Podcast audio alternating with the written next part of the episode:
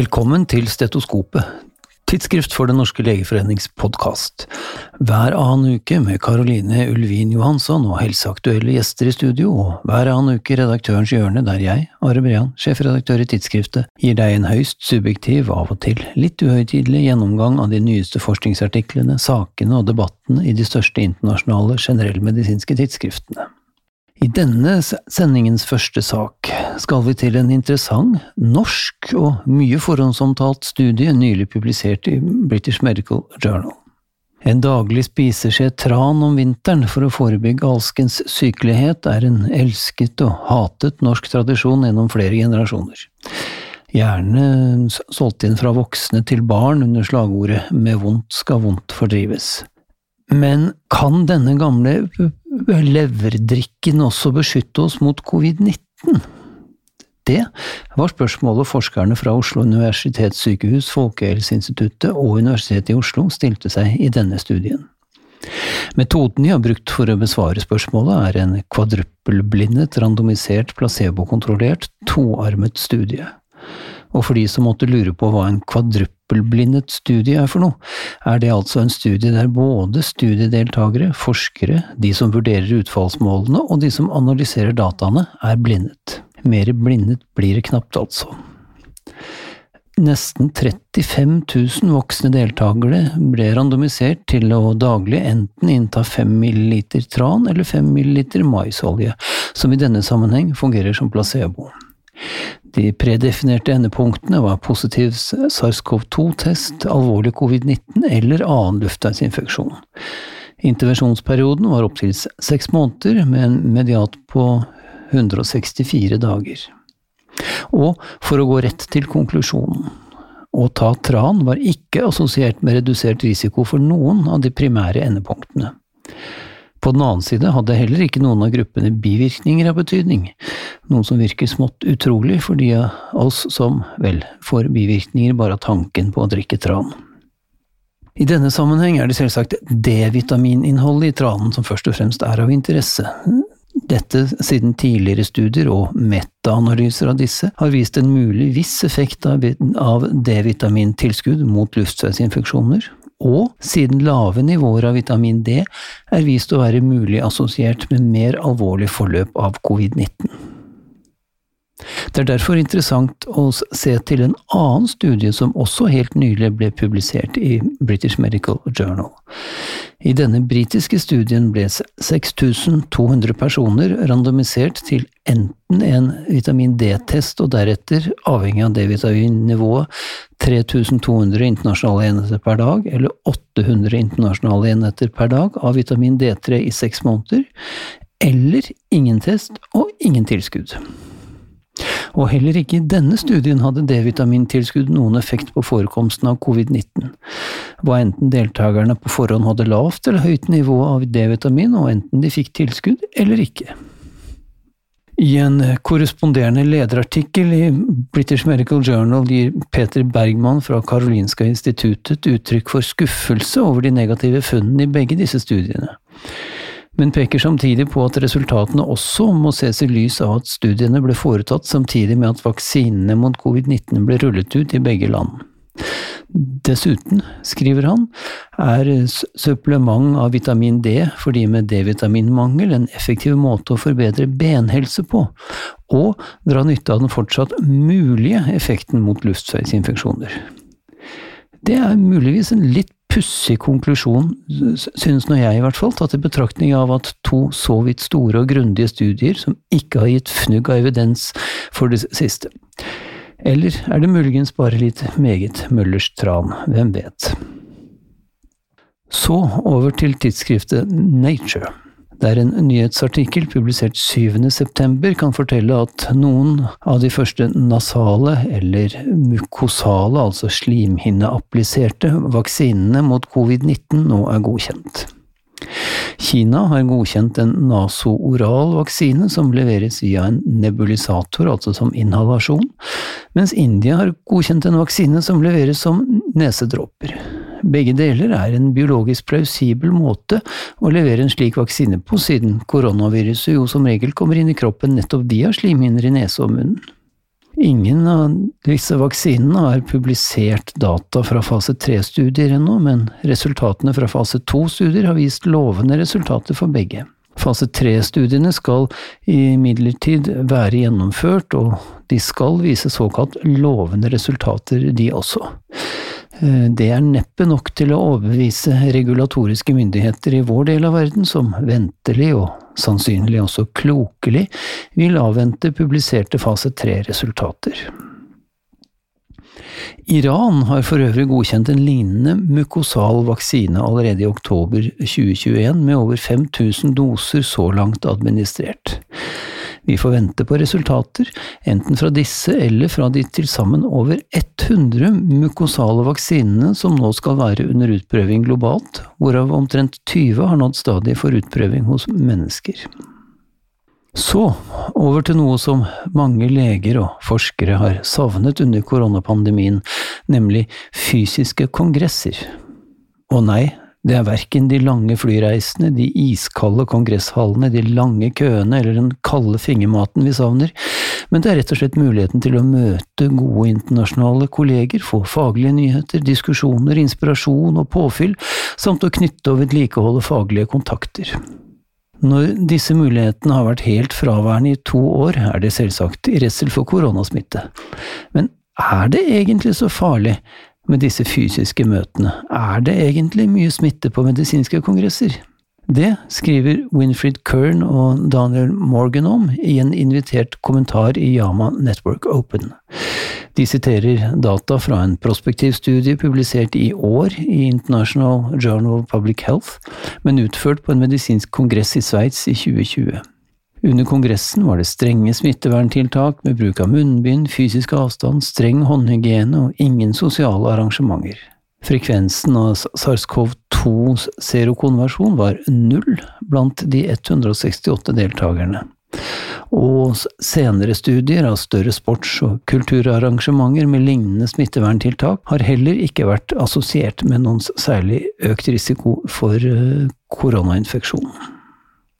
Og en helt ny studie, publisert i nettopp Yama Network Open, Eh, foretatt som en survey etter en hybrid medisinsk kongress i Florida mens omikron-variantsmitten var på sitt mest intense i samfunnet, viser heller ingen forskjell i koronatilfeller mellom de som deltok virtuelt og de som deltok fysisk.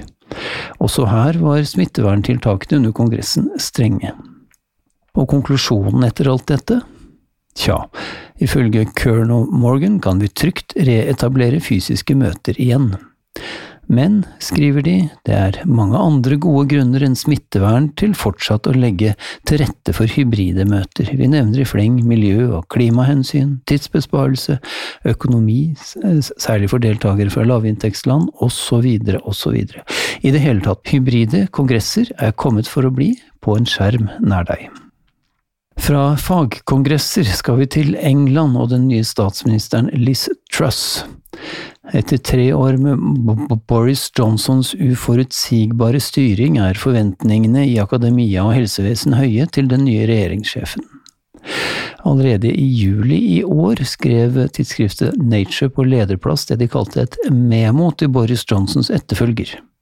Fortell sannheten, respekter evidens og gjenopprett tillit, var Natures budskap og mente at regjeringen måtte slutte med skadelige og lite gjennomtenkte kamper med det vitenskapelige samfunnet, samt slutte å undergrave universitetenes autonomi.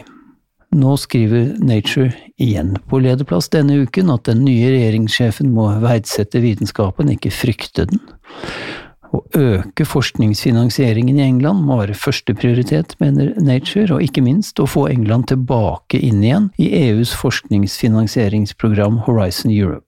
Dette siste får vi anta er betydelig lettere sagt enn gjort for et land som har meldt seg ut av det europeiske samarbeidet på de fleste fronter, og dertil høylytt skryter av at de skal spare mye penger på det.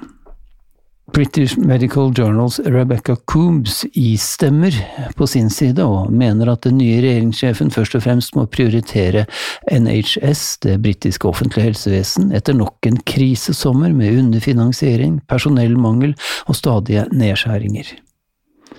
Det er kanskje å håpe på for mye, statsminister Truss har tross alt tidligere argumentert for at leger tjener altfor mye, og sagt at hun vil kutte legelønningene med 10 Ikke akkurat det mest smidige utgangspunktet for å få overarbeidede og hardt pressede NHS-leger tilbake på vakt. Og for legene selv er problemet tosidig. Yngre leger har lønninger det knapt går an å leve av, og ønsker av den grunn ikke lenger å starte sykehuskarriere, mens de eldre legene, ja, de slutter som kjent i hopetall fra det britiske spesialisthelsevesenet. Eller som endokrinologen Partakar uttrykker det i en annen nylig artikkel i British Medical Journal, uten overleger til å utføre prosedyrene blir aldri ventelistene kortere. Men det beste er likevel å kutte ventelister ved å forebygge sykdom. Og en effektiv måte å minske risikoen for alvorlig sykdom på er som kjent å gå. Helst 10 000 skritt om dagen, som vi vet. Men vent litt, vet vi egentlig det? Tja, Dokumentasjonen for det kjente rådet om å gå 10 000 skritt om dagen er faktisk så som så, og en større studie fra 2019 fant at så lite som 4400 skritt per dag var assosiert med redusert mortalitet, i hvert fall hos eldre kvinner. Nå foreligger imidlertid resultatene fra en populasjonsbasert prospektiv kohortstudie fra den kjente UK Biobank, som har analysert sammenhengen mellom antall skritt og senere dødelighet. Studien er publisert i Yama Internal Medicine. 78 500 personer med en medianalder på 61 år ble inkludert. Antall skritt og skrittkadans, altså hastighet, hos deltakerne ble målt med håndleddsakselerometeret. I løpet av de neste syv årene oppsto det noe over 10 000 krefttilfeller Eh, i utvalget, og, og, noe over 1200 av dem døde av kreft og 664 av hjerte-karsykdom.